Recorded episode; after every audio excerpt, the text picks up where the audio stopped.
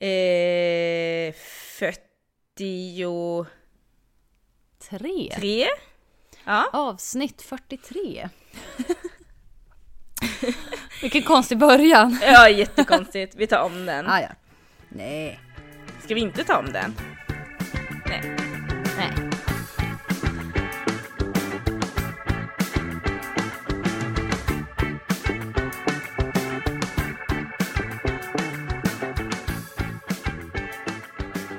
Välkomna till avsnitt 43 av eh, På tal om djur. Med... Nu blir jag såhär, ska jag säga ditt namn också? Nej. Med Petra. Och Charlotte! Yay. ja. Ja, vi är igång. Eh, yes, det här avsnittet kommer ju till största delen handla om alltså typ ett och samma djur kan man säga. Samma sorts djur. Mhm. Kan man väl... Kan man säga det? Jo, det kan man säga. Eh, Jag har glömt vilket avsnittets djur det är så att, eh, men ja, säger Jaha. jag.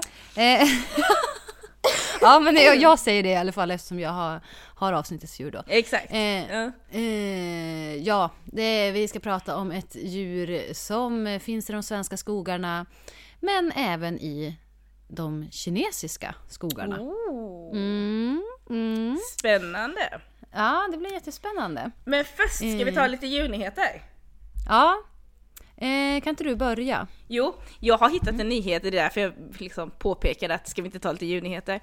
Jag har Mm. hittat en som jag inte hittade på Instagram. Oh, wow. Ehm, Få höra. det är eh, Göteborg Direkt som skriver om det. Det är ju en um, gratistidning som vi har här i Göteborg. Och eh, den eh, publicerades idag faktiskt, hittade jag när jag var på jobbet. Eh, rubriken är Uppskattning 30 000 hemlösa katter i Göteborg.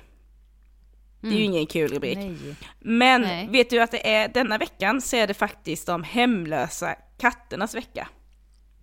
Det har jag faktiskt sett. Mm. Eh, det finns, ska finnas såna här insamlingsboxar utställda lite överallt på olika affärer och sånt som man kan... Ja, det är de här eh, kattmaten Miau. Ehm, som ehm, eh, då, de- de har tillsammans med 31 olika katthem runt om i Sverige då startat den här hemlösa katters vecka. Och den är då, eh, startar idag, idag som är igår för er som, för dig som lyssnar. Typ 21 oktober och så håller den på hela den här veckan då. Eh, och den här artikeln handlar ehm, om katternas situation idag i Sverige. Och man har lite svårt för att eh, veta exakt hur många hemlösa katter det finns. Um, för det, det är svårt att få syn på dem och man tror att mörkerantalet är väldigt stort och så. Men uppskatta, uppskatten, de uppskattar här att det är då 100 000 hemlösa katter i Sverige. Mm. Eh, men den här uppskattningen kommer då från eldsjälar som jobbar med att rädda de här katterna. Men eftersom de katterna ofta gömmer sig i övergivna byggnader och i skogen och sådär, så ehm, alltså vet man liksom inte. Alltså mörkertalet kan vara hur mycket större som helst då. Och det här säger då Sofia Lidenhed som är marketing manager på Miau. Mm. Ehm, Ja. Men det är ju, ja, så den här veckan då så upp, uppmärksammar man då vad det här med hemlösa katter och ehm, eh, och man har ju också då alltså en kampanj, eh, nu ska vi se, det är många delar i den här eh, artikeln. Så dels handlar det då om att man vill lyfta det här att, eh, att eh, precis som för hundar då, att man behöver ID-märka sin hund och registrera sig som ägare och så, så vill de att det ska vara likadant för katter. Eh, och eh, att man ska ta det här med att äga katt på större allv- allvar. Och då har man också startat något som kallas för kattkörkort. Som man då kan då... Mm, det. Mm, så det kanske du ska ta. Du som har två katter Petra. Ja, Plugga på om det är något du eh, inte kan där. Ja, men visst. Men de har då kommit fram till att det, ja, att det finns en del okunskap kring katter då. Eh, och och eh, om man då för varje person som delade länken till det här kattkörkortet så donerade Mjau en portion kattmat till olika katthem då. Mm. Eh, så det blev 13 500 delningar. Eh, men då valde de att dubbla den siffran, så 27 000 portioner delades ut då. Nej, kommer delas ut under den här veckan till katthem runt om i Sverige. Så att ah, eh, en vecka för uppmärksamma katten helt enkelt. Ja. Så kastrering, ja. ID-märkning, det var en grej till. Och kattkörkort. Ja. Handlar om. Ja, men då saknar jag kattkörkortet, men jag tycker ändå jag sköter mig ganska bra ska jag säga. Ja, det tror jag med. Och du har ju räddat en katt också. En... Ja. ja, men precis. Mm. Eh, förhoppningsvis så får vi höra mer om det i ett annat avsnitt. Mm. Eh, men jag har ju en liten lurv här som ligger bakom mig nu och trampar och masserar och ja. ja. ja mysigt. Jag tror han har det ganska bra faktiskt. Det tror jag med. Men jag ja, vi har ju då och då pratat om det här att just med katternas status och så, så det här var en, ny, en nyhet till om det då. Mm. Mm. Ja, det är ju ett hett ämne för oss, vi som verkligen gillar katter. Ja. eh, hade du någon fler? Ja, jag tror det. Har du det?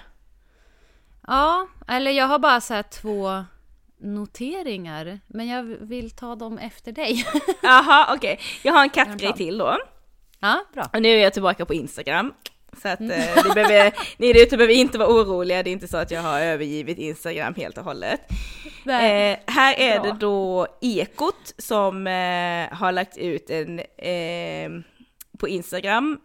Det står så här, katter signalerar vad de vill med tonläget.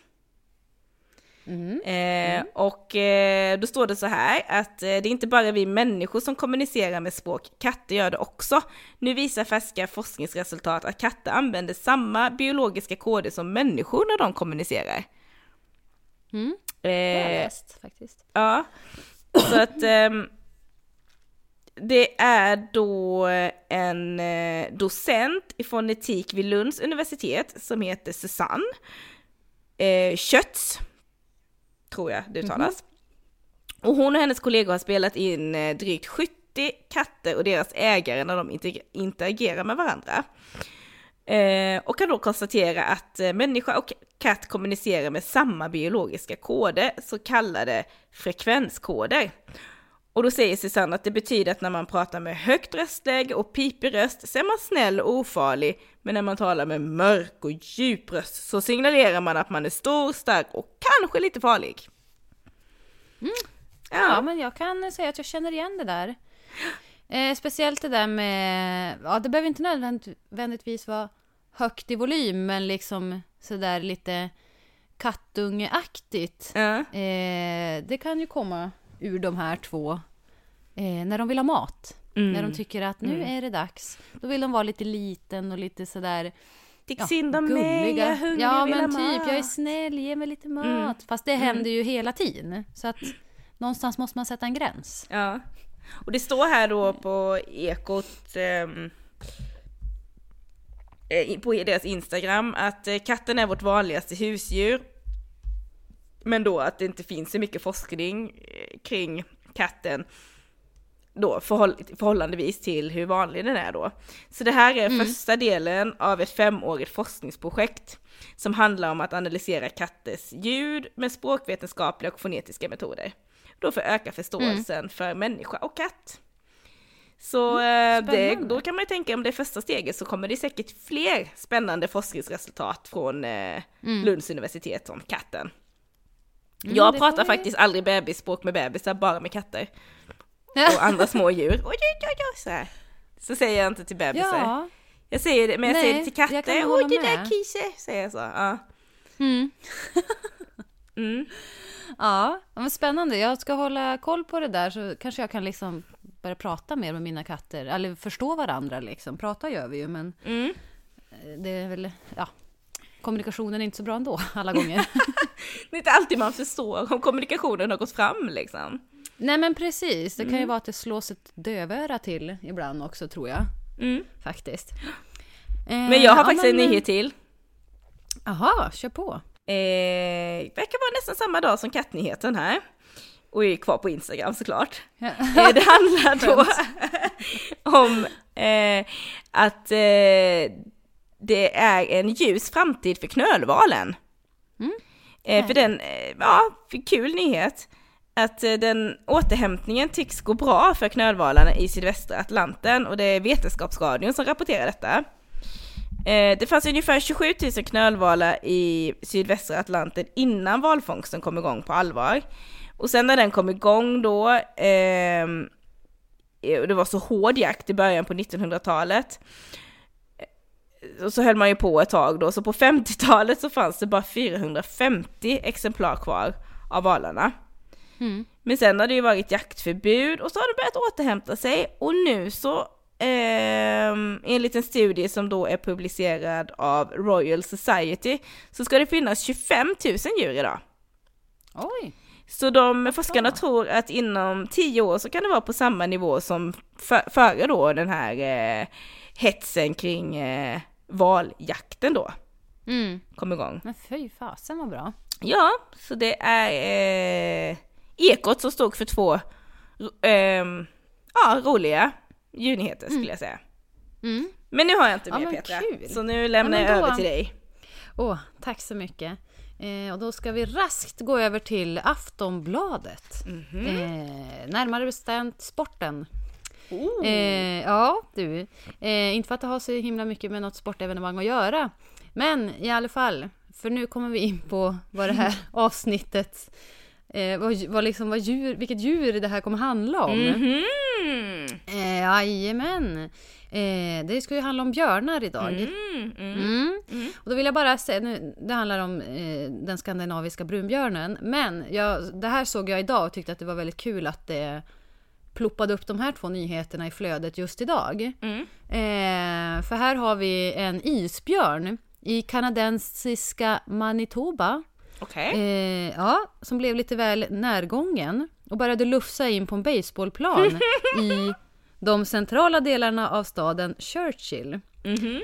Mm, och det här är ett filmklipp, som jag, jag kan ju liksom inte sitta och referera det. Men man ser i alla fall den här lilla söta lufsa runt på denna. Han tycker han är jättekul. Men sen har vi ju viltvårdare då som eh, Ja. måste jaga iväg den.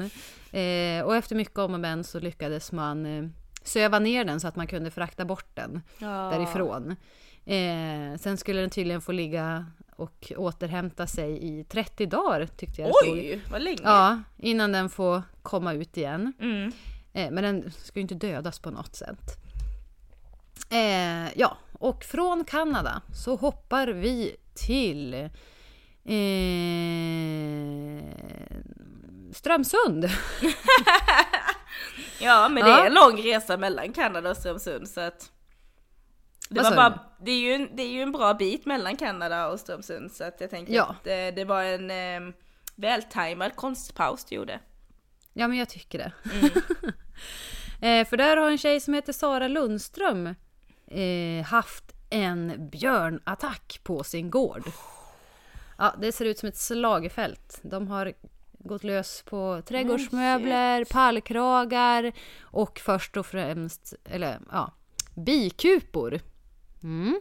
Oj! Nu har hon haft då bikupor bakom huset Ja. som björnarna har känt att de här ska vi äta upp. Och då har de ätit upp allt.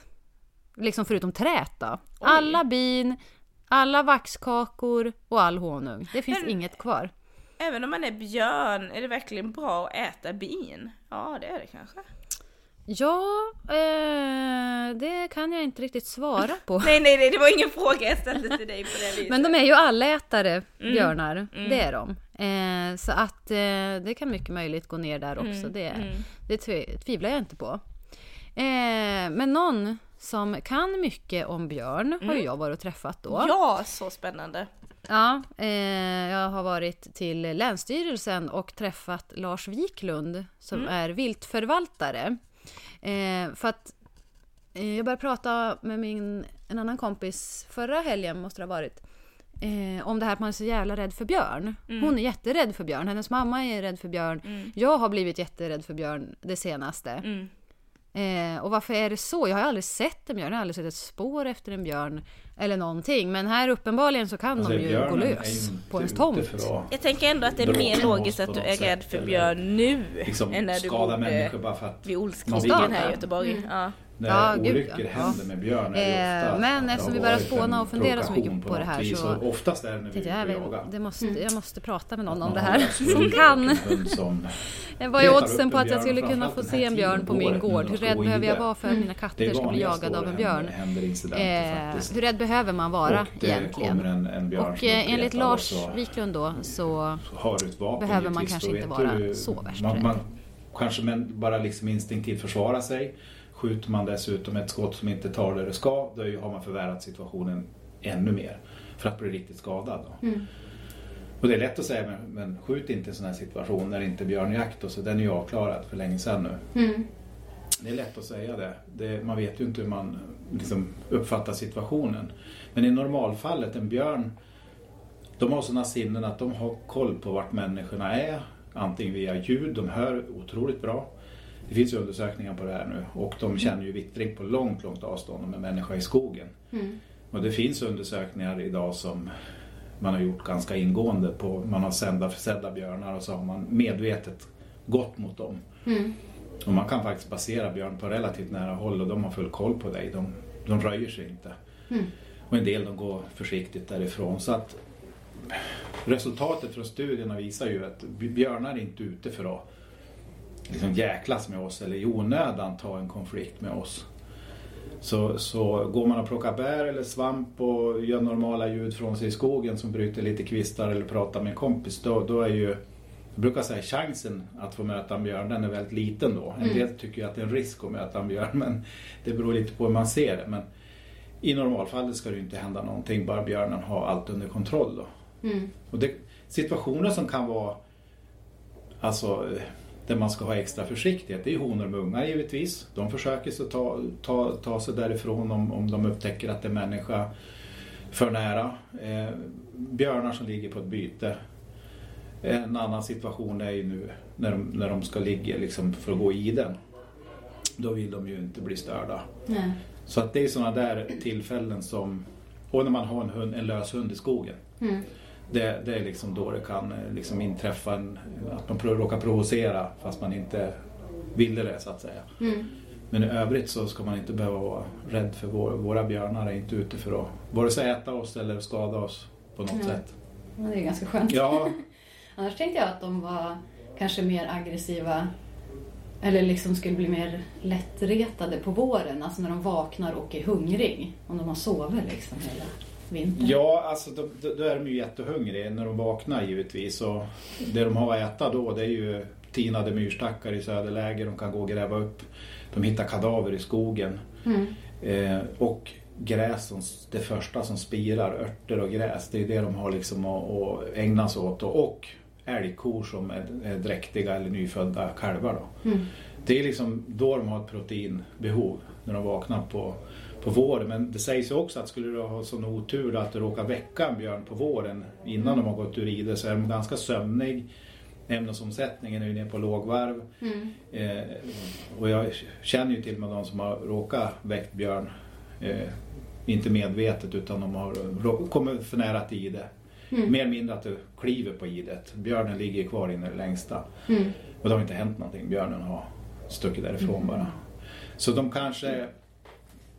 Det är snarare så kanske nu på hösten att det nu är de...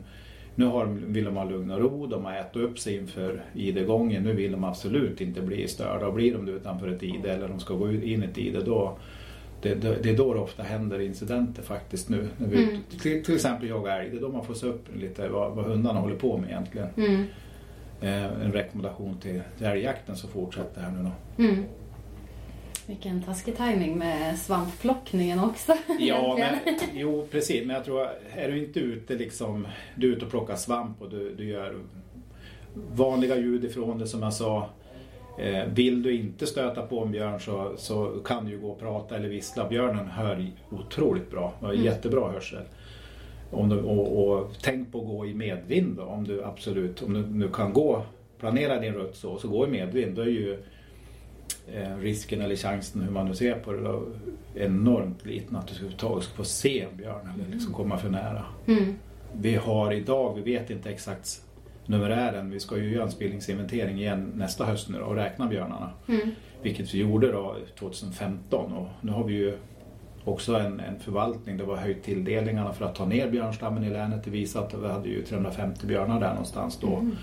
Nu har vi ju haft högre avskjutningar några år och ska följa upp det här så att vi ser att vi minskar ner björnstammen också. För vi ska ju inte ha för många björnar så att vi får dem rotandes i soptunnor och gå för nära samhällen alldeles för ofta. Det är ingen bra situation. Vi ska ju liksom ha lagom med björn någonstans. En balans på det här också. Så Mm. vi kommer följa upp det här nästa höst med en räkning då. Mm. Med att man plockar spillning. Så det blir en stor sån inventering igen. Mm. Men jag brukar säga det antalet björnar. Om vi låter säga att vi har runt 300 björnar idag. Sprid ut dem i länet. Mm.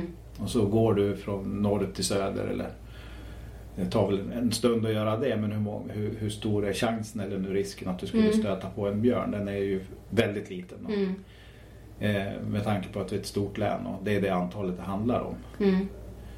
Så att eh, man ska ha respekt, det ska man ha för allt vilt tycker jag. Och, och givetvis björn det är ett mäktigt stort rovdjur men de är absolut inte ute för att och dänga upp människor eller äta människor på något vis. Vi har en snäll brun, eh, inom situationstecken, en, en relativt snäll brunbjörnsart i vårt, vårt land. Den Mm. skandinaviska brunbjörnen. Ursus ar- arctos. På Okej. latin om man ska Ja, bra. Vi brukar försöka uttala alla de här latinska namnen på djur och det är ju en katastrof. Ja. Det är så svårt. Eh, Men jag, jag såg en karta, det måste ju varit från den senaste inventeringen. Mm, Eh, Jag bor ju utanför Kramfors, mm, i en by mellan Kramfors och Sollefteå. mm, Och så är det, liksom, det är som en liten dalgång kan man säga. mm. Och sen är det ju skog Mm. runt omkring. Eh, och på den kartan när det var Västernorrland och så var det som mörkgrönare fläckar där det var mer Mm. björn. Och det var ju så här runt min by. Så var det så här, en stor grön, en stor grön och sen lite ovanför.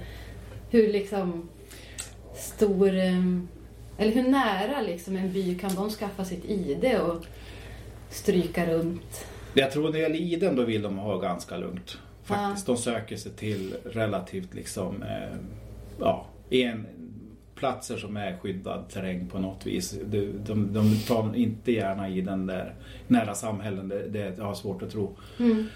Och framförallt inte honor som ska föda ungar eller ha ungar som de ska gå i det med. De, de är väldigt noggranna vart de väljer liksom sin plats då. Mm. Och den där kartan du nämnde, det, är nog, det, speglar ju var man hittar spillningar. Ja, Och, och det är klart att eh, det är lite så med björnar att de, de, de, de är ju rörelse nästan hela dygnet, inte riktigt, men att leta mat. Det är ju Mm. deras liv går ut på att leta mat och där det finns bär mycket en säsong då, då kan det ju vara ett antal björnar i det området som letar mat givetvis. Och då hittar man kanske mycket spillning där just då. mm. De rör sig på enormt stora områden. Alltså det finns exempel, tar en stor björnhanne, den kan ha i princip halva länet som ett hemområde. De har ju inga revir som de försvarar. Till exempel som kattdjuren, lodjur, de har ju revir. Mm. Men en björn har inte revir på det viset utan de har hemområden. som de patrullerar liksom regelbundet. Ja, de befinner sig lite här och där in, inom sitt hemområde och det, de kan vara våldsamt stora. Eh, Det finns ju undersökningar på det där och till och med honor som har ungar kan ligga på en 30-40 tusen hektar i ett re- revir och det är ju rätt stort alltså. Ja. Och hannarna hade tredubbla alla gånger. Mm. Så att de bor ju inte någonstans liksom i något berg så utan de rör sig på jättestora ytor och det, det är ju där maten finns då. Mm. Så i det fallet du ser den där kartan, de hittar spillningar, då var det kanske mycket bär det året just där då. Mm. Och då, de, gör, de äter mycket. Och då kommer mycket ut också i form av Mm. spillning. Så att man ska väl tolka kartan så kanske lite. Mm, Okej, Ja. tänkte att nu... För, för en björn kan, ja en björn, apropå det här med nära bebyggelse, en björn är ju ett topprovdjur. De, de är ju högt upp i näringskedjan. De har inte någon större anledning att vara jätterädd för, för människor liksom så. Nej. De vill ju inte liksom konfronteras med oss i onödan men de, det, det märker vi framförallt på, är det en kall vår, när det grönskar alltså sent, då hittar de ju mat i dikeskanter, ut på åkrar och så vidare. Då får ju en kalvår typiskt, då blir det mycket björnrapporter. Då ser människor Mm. björnar nära samhällen för det är där de hittar Mm. det enda de har att äta. Så björnar är inte så rädda att ja, men dit går jag inte för där är människor. Mm. Finns det mat där, då går de dit. Och det är ju också ett viktigt budskap just det här med att mata aldrig björnar. Nej. Lägg aldrig ut mat till dem i det fallet då att man vill se björn och, och liksom ha dem nära in på tomten och fota och så. Det, det är totalt olämpligt. Mm. Tyvärr har vi sett sånt när, på vårkanten att folk har en benägenhet att vilja ge dem mat och ta bilder och sådär då. Mm. Eh, man- ska ha respekt för dem och man ska inte alls bete sig så. Det är inte bra att ge alltså, vänja en björn heller. Att, att där det finns människa, där finns det mat också. Mm. Det vet man sen förut, det är inte bra. Så låt dem vara i fred och betrakta dem på, på avstånd och fota gärna men inte liksom bete sig sådär. Nej. Det är ett litet vårfenomen. Blir det en varm tidig vår då, då visst kan det vara någon björnobservationer på vårkanten och så. Det är inte, det är inte konstigt men det brukar vara lägre frekvens på det då. Mm. Så jag behöver inte vara rädd. När Nej. katter är ute, det är de jag är rädd Nej, för mest. katterna är nog så snabb så att de... eh, Nu kan ju björnar klättra i träd också men en katt hinner i regel undan för en björn så. Det är ju däremot då mer vanligt att ett lodjur skulle Mm. kunna komma in på en gård och ta en katt. Det har ju Mm. hänt. Så, men, men liksom inte, inte björnar och där, där har nog katten stor chans att klara sig undan. Mm, vad ja, ja. Bra. Hur snabb eh, en kan en björn vara? Och de är jättesnabba. Ja. Jag vet inte exakt. Eh, De, de ser ju inte snabba ut. Men de är väldigt snabba. Alltså när de gör en rivstart så de kan komma upp i ja, 45-50 km i timmen ganska snabbt. Det är ingen konst för en björn. Ja. De är kolossalt snabba djur. Ja. Så, så att eh, man kan säga att det är ingen idé att tro att man kan springa ifrån. Det går inte. Det, det, det rekommenderas ju i björnmöten om man nu skulle liksom ha Det händer ju att de gör skenanfall. Nu pratar vi friska björnar då. Mm. eh, som kommer i full fart emot den. Och så väjer de bara några meter innan. Då har ju björnen signalerat till dig, gå härifrån. Mm. Jag har en unge uppe i ett träd om det är en hona eller jag har ett byte här borta som jag är rädd om. Och då finns det exempel på där det har gått riktigt bra i situationer när man har backat. När de tar om och ska anfalla en gång till eller gör ett skenanfall, då har man backat längre ur situationen. Mm. Och till slut har det där förlöpt riktigt bra. Men det gäller att man har is i magen också en sån gång. För springa, det tror jag nog det är det sämsta man kan göra. För det första springer du inte från en björn. Ja. Och sen kan det bli, det är ju ett rovdjur. Det kan utlösa, precis som hos alla, till och med våra hundar. Mm. Även katter faktiskt. Det blir, jaktinstinkten väcks att det är någonting som flyr ifrån. Mm. Eh, så att springa är definitivt inte liksom någon, någon direkt... Jag kan förstå att en del kanske gör det av reaktionen. Men det, det är ingenting som man kanske ska rekommendera. Nej. Nej, det är att backa då. Ja, backa sig ur. lugn, liksom. Lugn, backa sig ur situationen. Mm. Björnar ser ju också väldigt dåligt. De går på bakbenen för att få överblick över situationen. Och synen är ju sämsta sinnet hos björnen. Mhm. Och lukten är det absolut bästa och hörseln är inte långt ifrån. De hör otroligt bra liksom, uppfattar ljud i, i skogen. Då. Mm. Så de är, man kan nog säga att man, eh, jag är ju själv ute väldigt mycket i skog och mark och jag har sett björn givetvis, det gör i mitt jobb och, eh, och så vidare. Men, men eh, jag har nog varit nära björn väldigt många gånger utan att vetat av det. De Mm. har haft koll på mig. Mm. Det är lite så det är. Mm. Vi har gott om björn. Vi har 3000 björnar ungefär, för att säga ungefärliga siffror i hela Sverige.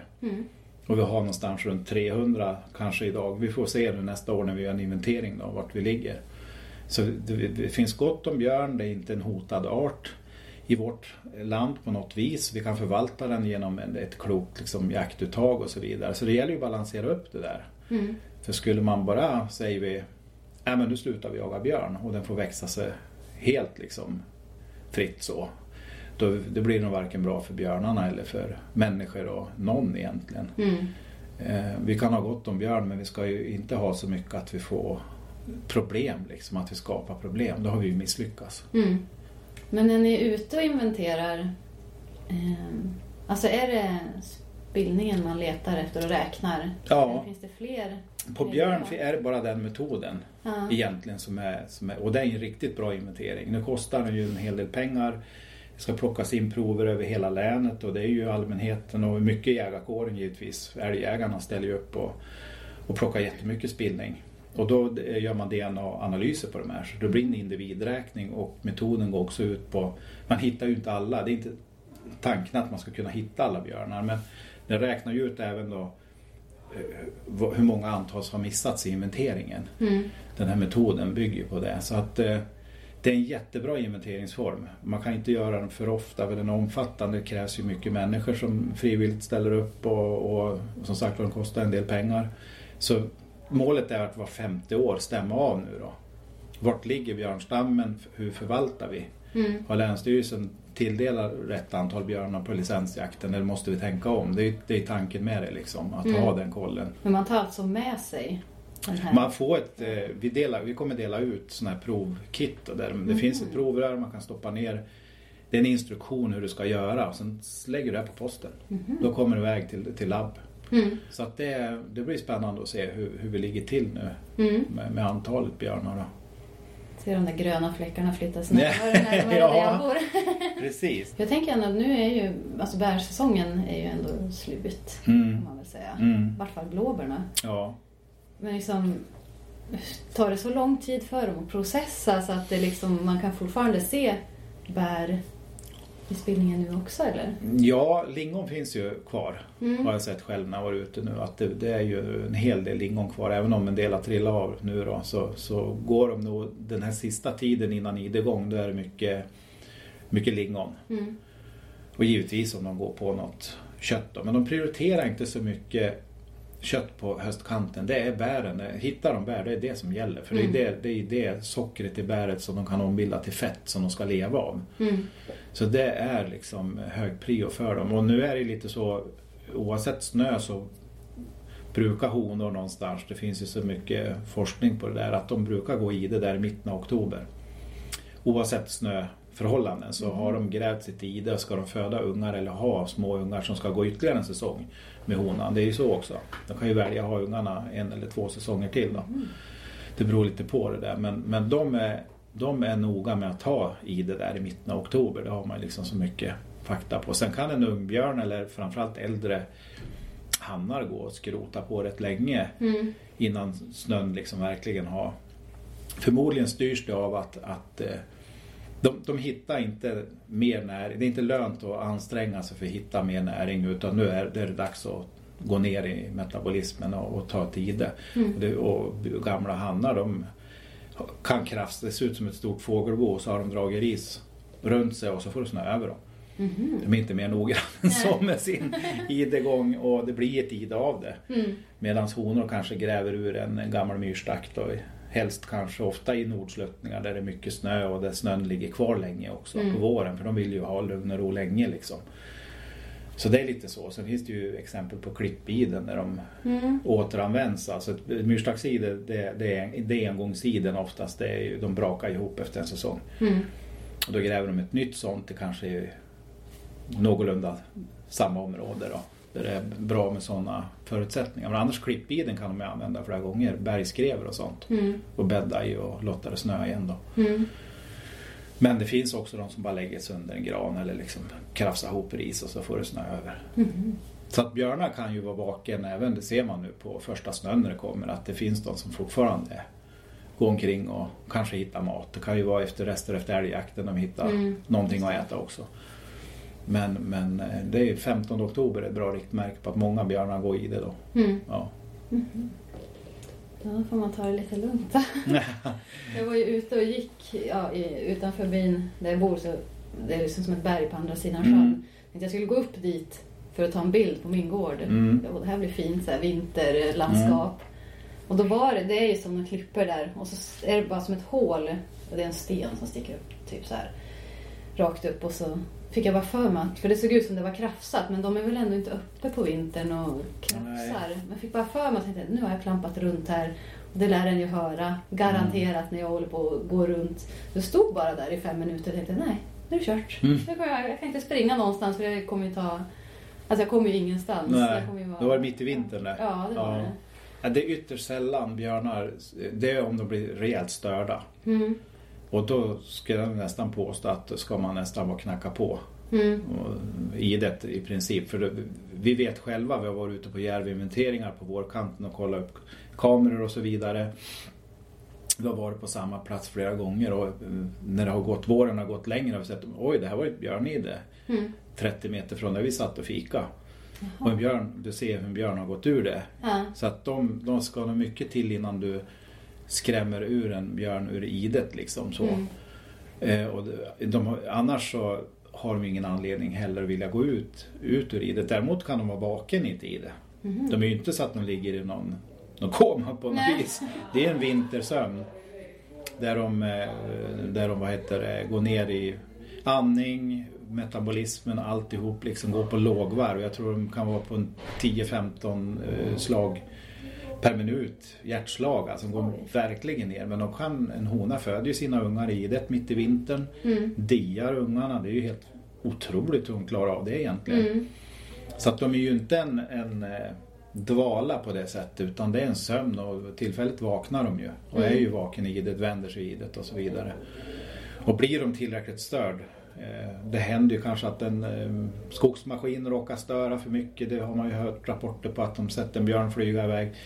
Så är det väl lite strategi hos björnen att de har någon reservställe de kan sticka till då. Mhm. Och snabbt eh, ta om i det, i det om det är mitt i vintern. Då. Mm. Så att eh, ja, de har strategier för det där tror jag. Mm. Vad, vad finns det för tecken alltså, på att det kan finnas en björn i närheten? Vi har hört både att de luktar väldigt mycket eller att det, de kan typ vissla på något vänster. Och ja, att de krafsar i myrstackar eller ja, sånt där. Ja, vad man kan... Ja, det är precis. Det, det hittar man nyutgrävda myrstackar, framförallt nu. Gamla myrstackar, då pratar vi sådana här som har vuxit över. Mm. Det är sådana de gör iden av. Mm. Och du ser att det är nygrävt, då ska man avlägsna sig därifrån för då är det ju en björn som ligger en bit ifrån kanske och, och man brukar säga att de ligger på brott. Mhm. De ligger och kollar att den här platsen är lugn och då har de påbörjat ett ide där. Mm. Det har jag sett vid något tillfälle och då ska man kanske inte gå och kika och vara för nyfiken utan dra sig undan därifrån. Mm. Det är sådana där tecken, även om som man är ute nu i skog och mark och man hör mycket korp på ett ställe. Ehm, kan ju ligga ett kadaver där. Mm. Och du, är det på din jaktmark där du vet vad man har skjutit årets älgar så kanske, men här har vi inte, här har vi ingen eh, älgränta som ligger. Mm. Då kanske man kan vara lite mer försiktig. Det kan ju faktiskt vara en, en björn som är på ett kadaver där då. Mm. Om man nu ska vara jätte, jätte försiktig så Mm. behöver ju inte alls vara det. Eh, I övrigt är det ju svårt att se spår efter björn.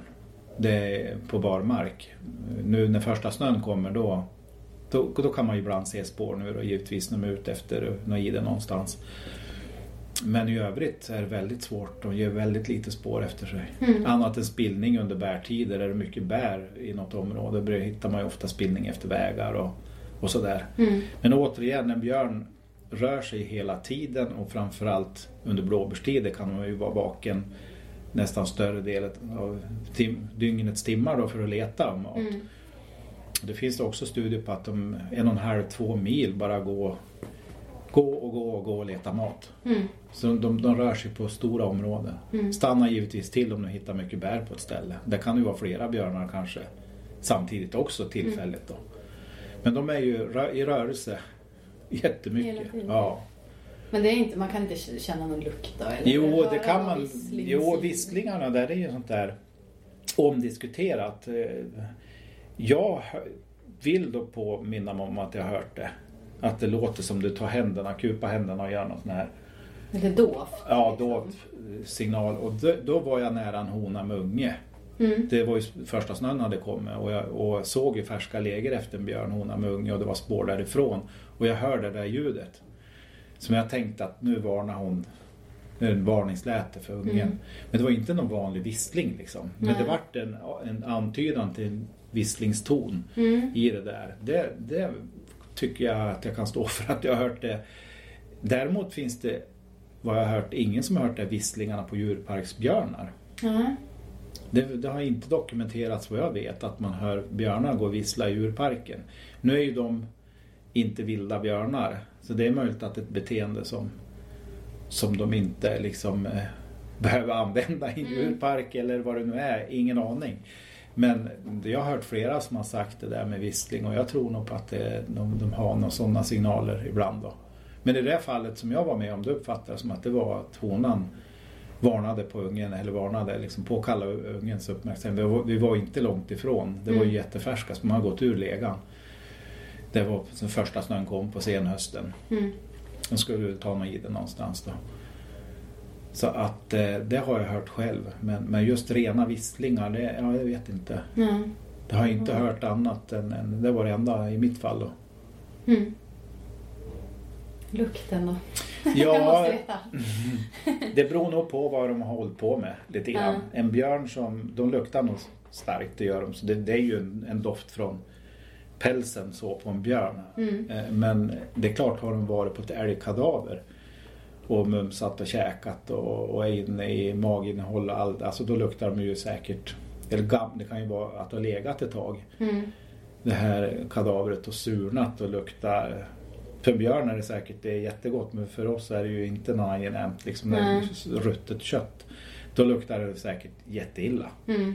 Så jag tror att det har mycket att göra med vad har de varit och ätit för någonting. Mm.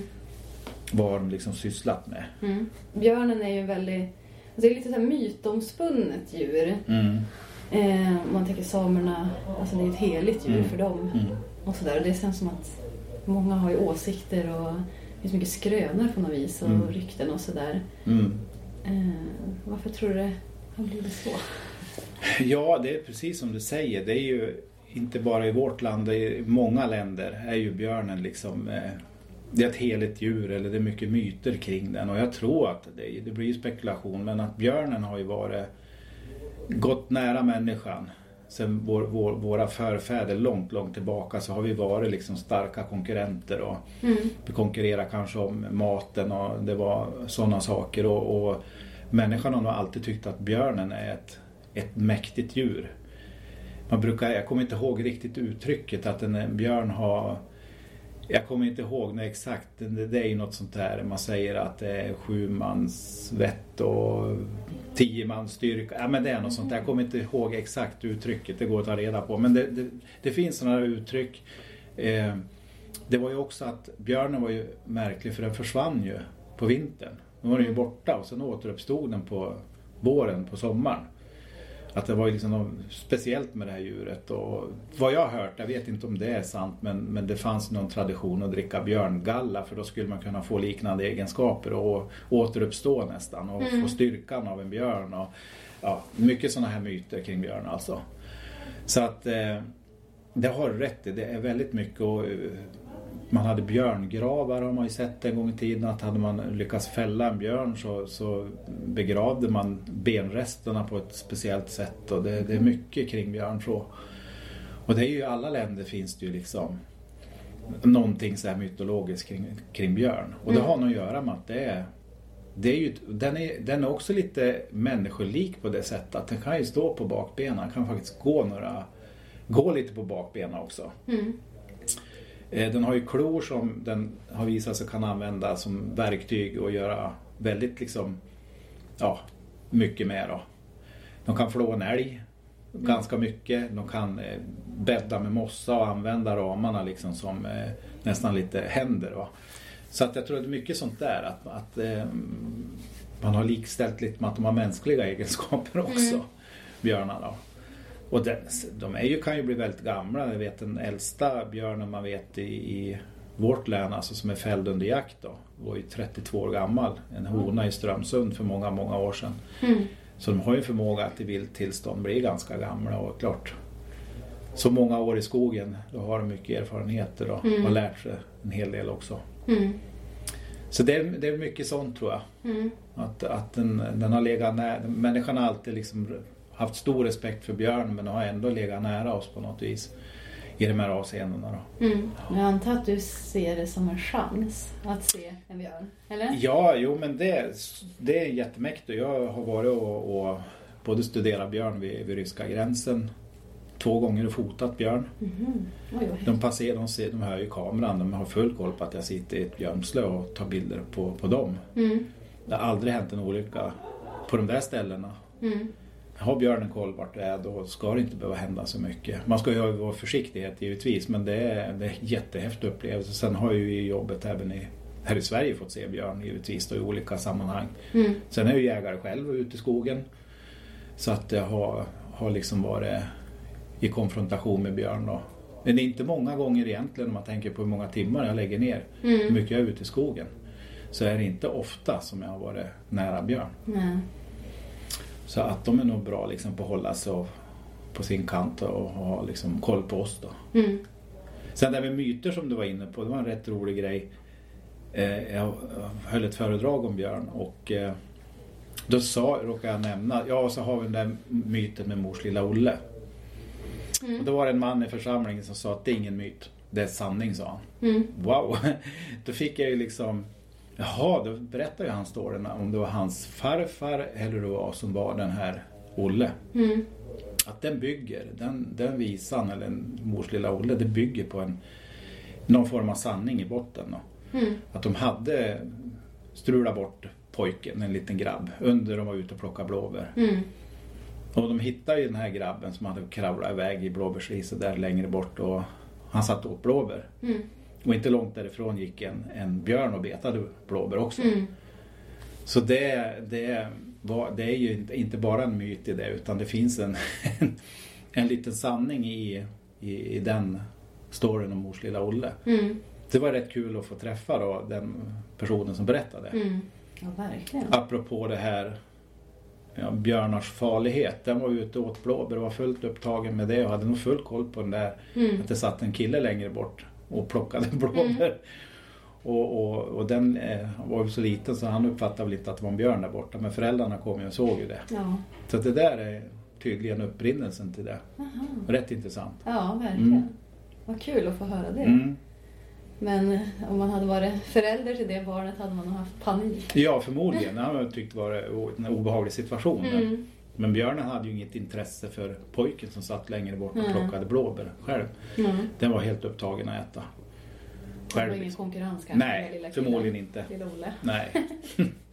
Men kommer du ihåg hur det var första gången du fick se en björn? Ja, ehm, det, det kommer jag ihåg och det är ju det är ett mäktigt intryck. Mm. Det tycker jag nu också man får se en björn. Det är, liksom, det är ett häftigt djur. Det är mäktigt liksom att få se Mm. en björn.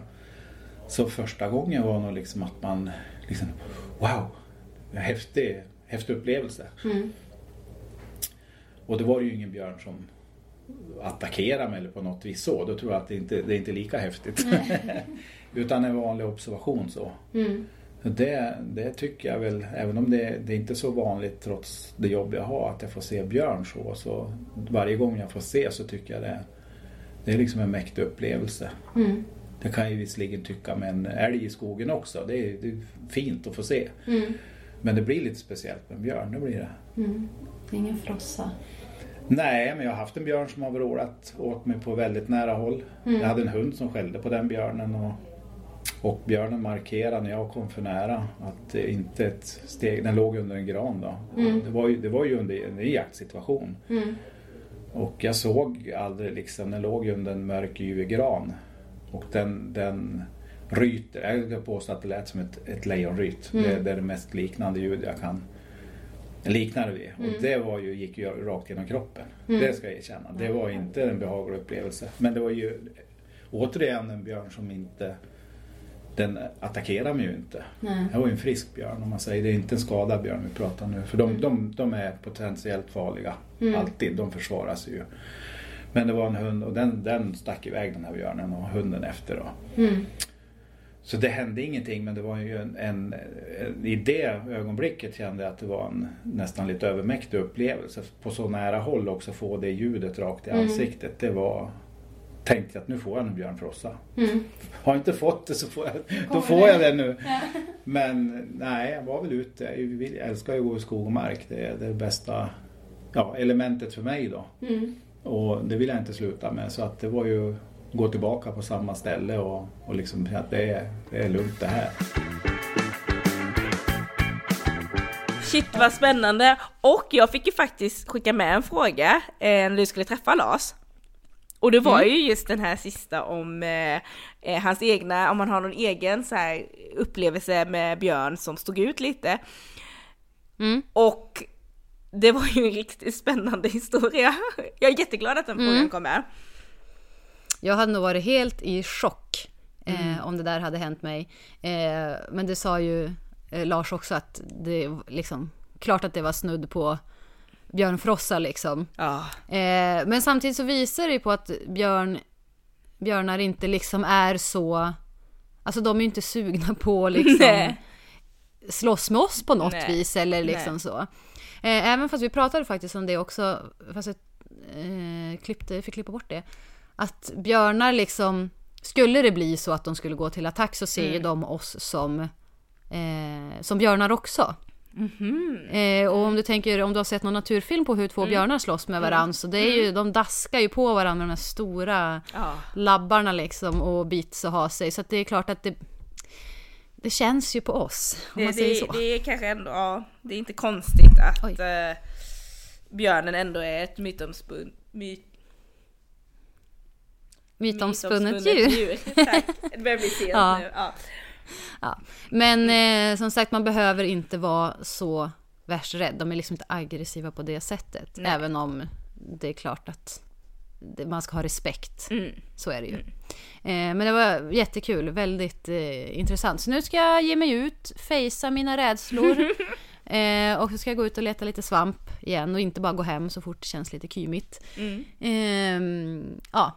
Eh, och vill man ha lite terapihjälp kring det här med eh, Ja men att man är rädd för djur eller ja sådär. Så har vi ju faktiskt ett avsnitt om fobier och sådär. Ja, ja, Eh, så man får scrolla lite i listan så kan man hitta det.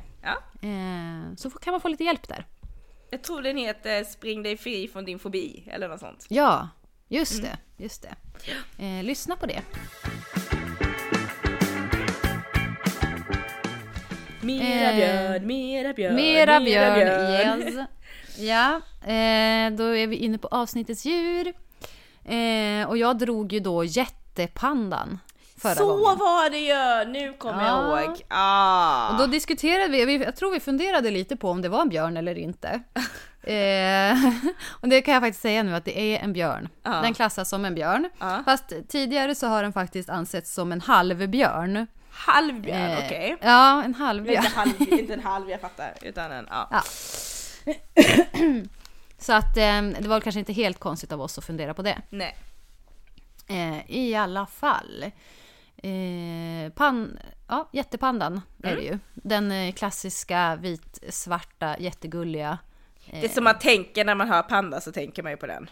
Ofta gör Ja, ju de flesta exakt. det. Världsnaturfondens logga och sådär. Eh, I vilt tillstånd så finns ju den bara i Kina. Eh, den har ju för länge sedan funnits, alltså har haft större utbredningsområde. Så har den funnits i Myanmar, Burma, Vietnam och sådär. Eh, men just nu så finns den bara i Kina. Mm. Och då är det i provinserna Sichuan, Mm. eh, Gansu och Shaanxi kanske man säger. Och Det lät Alltså, jättebra. Ja, ja uttalet, ja, ja. Ja, jag har ingen Eh. aning men i mina öron lät det bra Petra. Eller hur? det känns skönt att veta. Eh, och jag har ju då varit och eh, jobbat med pandor Ja! eh, som volontär eh, för många år sedan. Och då var jag just i det här Sichuan, Chengdu Panda Breeding Research Center. Mm. Eh, där man föder upp pandor och ja, har ett stort bevarandeprojekt. För att det finns ju inte sådär jättemånga pandor kvar i det vilda. Eh, det var väldigt eh, olika siffror. Eh, men de som jag tyckte kändes säkrast eh, var att det finns någonstans mellan 1600 till 1864 jättepandor Oj. i det vilda. Det är Specifikt. inte jättemånga. Nej. Ja. Eh, ja, det är inte... Ingen uppsjö av dem. Nej det är det inte. Eh, och det här beror ju då på oss människor i vanlig ordning som eh, vi skövlar ju skogar för att bygga städer och göra odlingsmark, betesmark, diverse. Eh, även jakt eller tjuvjakt eh, har varit problem. men inte så mycket längre. Eh, det var mer så här långt tillbaka. Eh, dels för att det finns liksom ingen marknad för pandapäls.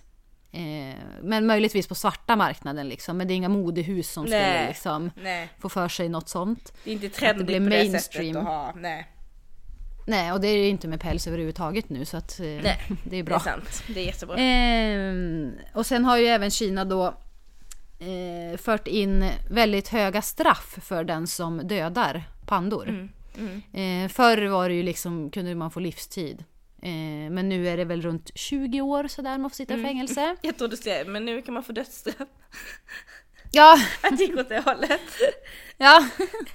eh, det såg jag faktiskt ingenting om. Nej. Men eh, ja, Jag bara skojar. Mm. vi låter det vara osagt. Ehm, och sen är det att deras kroppsdelar anses liksom inte... Eh, alltså de... I så här klassisk kinesisk medicin så an, anses inte liksom pandans kroppsdelar, kött eller vad det nu är man använder som någonting hälsosamt. Nej, faktiskt. Men annars har den ju väldigt hög status i Kina. Mm. Eh, eh, och den här skövlingen, för det är ju det största problemet. Eh, det gör ju att liksom pandans huvudföda, som då är bambu, minskar ju. Eh, och en panda, alltså en vuxen panda, alltså de äter så sjuka mängder bambu per dag. Eh, liksom, alltså det blir ju svårt för dem att överleva. Dels för att de nu har de så små områden eh, att äta på, liksom vara på. Eh, men en vuxen panda ägnar i alla fall ungefär 14 timmar av dagen till att eh, leta mat och äta mat. Eh, det handlar alltså om upp till 38 kilo bambu om dagen Alltså, det per helt- panda. Det är helt sjukt mycket. Ja, och jag kan säga det för vi var ute när jag jobbade på det här Pandracentret. Så var vi ute och högg bambu. Liksom. Och det väger inte mycket. Den är ju ihålig. Ja, så det är Nu finns det ju ännu olika mer än vad man sorter, kanske men- tänker sig då. Ja, alltså det är jättemycket. Jätte, jättemycket. Och varje morgon så skulle man ju städa deras stora, stora inhägnader. Eh, och så skulle man städa speciellt på matplatsen. För det var ju mycket så det blev som spån kvar och det, ja, det var bajs och det ena och det tredje. Eh, och sen skulle man ju släpa in nytt Ja, bambu. Åh herregud, alltså vi släpa och släpa och släpa detta bambu. Eh, det var ju det som det större delen av tiden gick ut på. Liksom. Eh, ja. Resterande 14 timmar på dygnet, vad gör pandan då tror du? sover. Ja, då tar de sig en god nap efter allt detta ätande. Eh, eh, men eh, bambun är ju ganska näringsfattig. Eh, så det är därför de behövs, behöver få i sig liksom så här mycket. De är stora liksom. Ja, det är de. De är jättestora. Eh, och det, kan, alltså, det är klart att de kan få i sig någon köttbit ibland, för de är ju, alltså... Det, ja, det, kan, det kan hända, men det är ingenting som de... De jagar ju inte aktivt på Nej. något sätt. För att, ja, få i sig mer kött liksom. Eh, men man kan se på deras här, matsmältningssystem att eh, de förmodligen kan ha varit köttätare tidigare, för, för länge sedan. För att de har samma liksom matsmältningssystem som Mm. köttätardjur. Liksom. Eh, men av någon anledning så äter de vegetarisk kost. Mm. Och på det pandacentret jag var så där bakade man någon typ av bröd som vi fick mata dem med. Vi fick absolut inte veta receptet, det var ju superhemligt. Liksom. Mm. Men vi kunde ju få hämta bröd och gå och mata dem liksom. Mm. Ehm, så det var ja, något fiberrikt Mm, såg det mm, ut som i alla fall. Eh, och de tyckte det var jättegott. Morötter tror jag ja. de åt också. Ehm, Så de och åt de inte ju- bara bambu i, de där, i det centret då? Utan de åt Nej andra saker precis, med? utan då, Mm. lite varierad kost. Och de är ju jäkligt söta när de äter. För att de har ju som typ en, en extra, alltså de har som en liten tumme. eh, vilket andra björnar inte har liksom på samma sätt. Så att de grabbar ju tag i de här bambu eller vad de nu äter, moroten eller någonting, precis som en människa gör lite grann. Och så halvligger de på rygg så här och bara så smaskar de extremt högt. Eh, så det låter så gott, som Ja, att de verkligen ja. njuter och så ligger de där så här utfläkta och bara mumsar och mumsar. Alltså de är så jäkla söt. Eh, så de såg ut att ha det väldigt gott i alla fall där de var. mm. Eh, men en annan sak med pandan, eh, det här är nog säkert någonting som folk har snappat upp. Mm. Eh, det är ju det här med fortplantningen. Mm. Ja, de är ju inte superbra på att yngla av sig, Nej. så att säga. Ehm, och ja, alltså det kan ju bero på då, alltså att de som bor i fångenskap eh, är ju sämre på det. Eh, de har svårt att få till det så att säga. Ja. Alltså de har, det är som att de inte riktigt har något intresse för det. Men hur ska de Eh, de- hinna tänker jag? De äter ju så mycket och sen behöver de ju Ja, vila. exakt. När hinner de? Men... Ja men alltså grejen är att det är ju bara parningsperioden, jättekort period på Ja. året. Och så är honan dräktig liksom. Någon enstaka dag, kanske en dag, kanske två liksom. Ja. Så det gäller ju liksom att pricka rätt. Mm. Om man säger så. Eh, Men man har ju testat olika metoder för att få, få det här att funka. Att det ska bli fler pandabebisar. Så det har ju varit bland annat pandaporr och eh, Viagra. Mm. Eh, Ja. ja. Eh, säga vad man vill om det, men eh, det verkar inte ha gett resultat så. Nej, jag tycker det låter som lite tveksamma metoder, men visst. eh, Ja, Man kan inte liksom beskylla dem för att inte försöka liksom. Nej men precis. Mm. Eh, Alla me- metoder har testats. Men jag såg då ingen pandaporr eh, när jag var på det här eh, Nej. breedingcentret. Eh, men däremot så har de lyckats väldigt bra där ändå på Mm. något vis. Eh, för man har lyckats få till att det har fötts 168 ungar sedan 1987. Mm. Varav eh, det har varit 98% överlevnad. Det är ju bra statistik Ja. alltså. Ja. För att de här ungarna är så himla små och sköra. Mm. Eh, och det är liksom, alltså chansen att de överlever är inte så värst stor. När de kommer ut eh, så väger de, eller de, alltså så stora som de är, är liksom en 900 del av mammans storlek. Mm. Eh, och en vuxen panda kan liksom, alltså de väger liksom mellan 100 och 150 kilo. Och så en 900 del av det, det är ju liksom, ja det fanns siffror på 90 till 130 gram. Ja, det är så lite alltså. Ja, Jag har sett bilder på det där, det ser helt sjukt ut. Ja, det är som ett yngel Ja, bara. ja, det ser liksom inte färdigt ut på något sätt. Nej.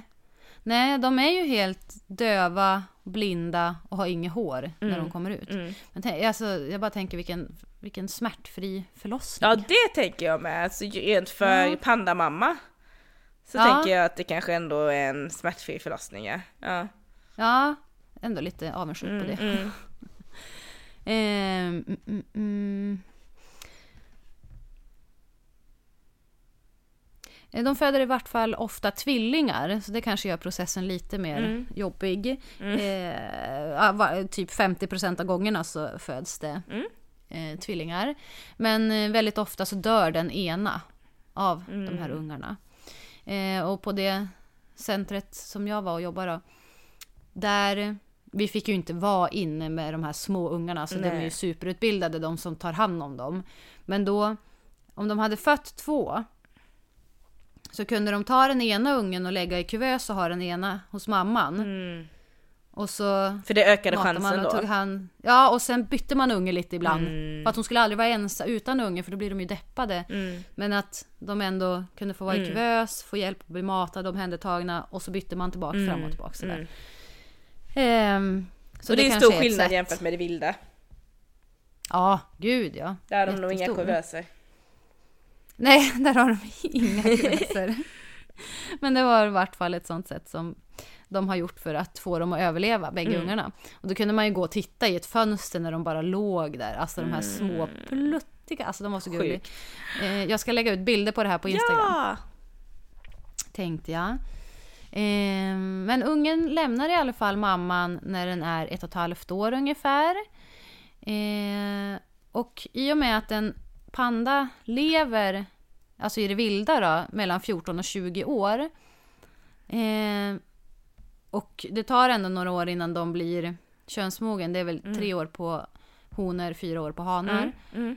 Eh, så hinner en hona kanske bara få ungefär tre kullar, tre, fyra kullar i sitt liv. Det är inte och så mycket. då om ungen dör, liksom, alltså det, Mm. blir, det, det blir ju inte, det massproducerar ju inte direkt. Nej, det Vissa- blir lite sårbart så. Ja, för vissa djur kan ju föda hur många ungar som helst. Hela tiden, känns det som. Men inte pandan. Nej. Eh, de kan, eh, I fångenskap kan de ju dock bli upp till 30 år. Sen finns det ju de som har blivit äldre. Ja. Eh, Men finns jag tänker de lär inte vara könsmogna så länge. Nej, de borde ju ändå bli... Jag vet inte om klimakteriet finns för djur. Nej, men det borde ju ändå bli mindre fertila på något sätt. Alltså, Ja. även om de blir gamla så borde ju, ja. Visst, vi ska inte ha det sagt i sten sådär liksom, men logiskt sett Nej, så nej, borde det ändå ändå försvåra grejen än- ja, ännu mer med åldern liksom. Mm. Mm. Eh, pandan har i vart fall inga naturliga fiender. Eh, det är eventuellt om någon sån här snöleopard eller något lösa hundar eller någonting skulle ta en unge. Mm. Eh, men annars så har de, för de är så pass stor så att Mm. eh, när de ställer sig på bakbenen så, alltså den största som vi hade hand om var ju liksom längre än mig. Jag är Mm. nog 67. Och så den var ändå högre än mig Mm. liksom. Eh, men de klättrar väldigt bra. Mm. Eh, och simmar väldigt bra. Mhm. Eh, sen är de ju så här lekfulla, alltså de är ju så som man ser på film. så här filmsnuttar. Alltså de är så här skitkul. Ja, gör kullerbyttor och håller på och Mm. rullar och åmar sig och leker och busar med varandra. Eh, och just det här med att de klättrar så himla bra. Alltså det blir lite kul för att de är ju så jävla stora och tung. Så kan de, kunde de ändå klättra upp i ett smalt träd som mer eller mindre, det hade ingen löv eller någonting. Nej. Så en liten pinne längst där uppe, en liten gren. Där kunde de bara ligga, hänga på Ah. något vis och tvärsova. Och inte ramla ner. Sjukt. Ja, de har nå ja, de måste ha bra kroppskontroll. Mm, mm. Konstigt nog, fast Ja. de ser klumpiga ut på något vis. Ja, för, ja, det gör de ju verkligen. Mm. Ehm, men till sist i alla fall, det är ju en symbol för Kina. För Kina.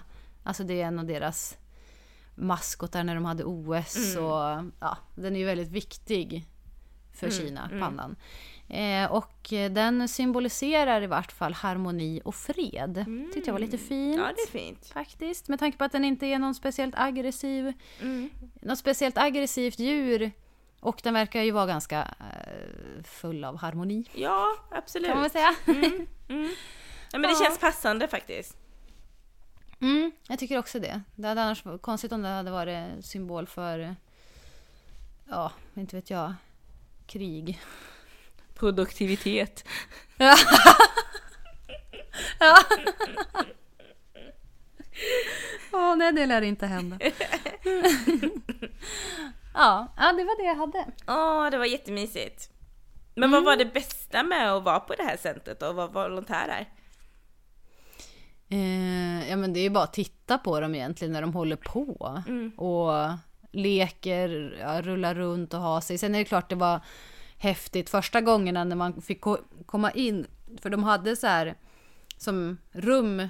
Mm. Ja de kunde ju gå in inomhus om de ville liksom. Där var det mer lite så luftkonditionerat, kallt Mm. och svalt. Om det var varmt ute. Eh, det var också där inne vi matade dem. Med ett galler emellan då som Mm. tur är. För att de är ju stora, de har skitstora klor. Mm. Och de är ju väldigt starka, men har ju noll koll på hur starka de är. Nej. Så skulle de vilja leka med dig så skulle du förmodligen dö. Ja, ja. Även om de Eh, inte men det var- menar illa blir det farligt liksom. ja, men det var jättekul för då lufsade de in där, sen satt de sig framför stängslet och så höll de i gallret så här. Och bara hallå, hallå, Ge mig mat." ge mig. Ja, så fick man liksom ge dem i handen så här. Och så satt de där och bara smaskade och så kunde man så här få klia lite bakom öra och Åh sådär. gud vad gulligt! Ja, men man kan ju tro att deras päls är så här luden, mjuk Ja. liksom. Men den är ju sträv och hård. Liksom. Men de ser ju mycket De ser fluffigare ut. jättemjuka ut. Ja, men undrar om, nu fick det du inte vara med så. barnen, men undrar om deras päls är mjukare tänker jag. ja, men det tror jag nog. Det brukar ju vara Mm. så lite, liksom om man tänker bara, alltså katter är ofta mjuka länge men det är ändå liksom kattunge, gammelkatt, det är ändå skillnad på pälsen liksom. Mm. Mm, absolut. Kanske är så med dem med. Åh de är så söta! Ja, de är superfina. Mm. Så det kommer bilder på På tal om djur på Instagram. Mm. kommer även en bild på Lars och en brunbjörn. Ja, Skandinavisk brunbjörn. Så du får titta på det. det blir bra. Eh, ja, eh, och ja, nu har vi, har vi några lappar. Nej, jag tror inte vi har några lappar. Jag har ingen lapp. Nej, men jag har en liten eh, annan eh, idé Okej, på vad vi kan göra. Så jag tänker vi testar det nästa gång, får Ja. vi se. absolut. Det Ja. gör vi. Vi kör på det. Det blir spännande. Ja, För vi. mig också. Ja, ja precis. ja, vi hörs eh, om, på tisdag om två veckor. Ja, det gör vi. Hej då! Hej då!